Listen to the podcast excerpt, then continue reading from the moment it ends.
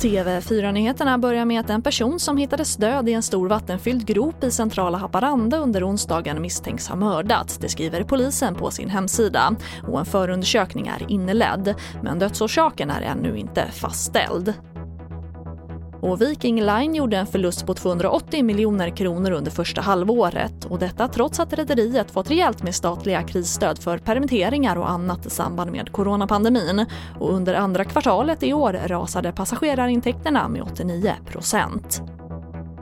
Och rovfåglarna i norra Sverige har nästan inte fått några ungar alls den här sommaren. Orsaken är att det varit dåligt med mat och det är framförallt sorkar det varit brist på, vilket är rovfåglarnas huvudföda.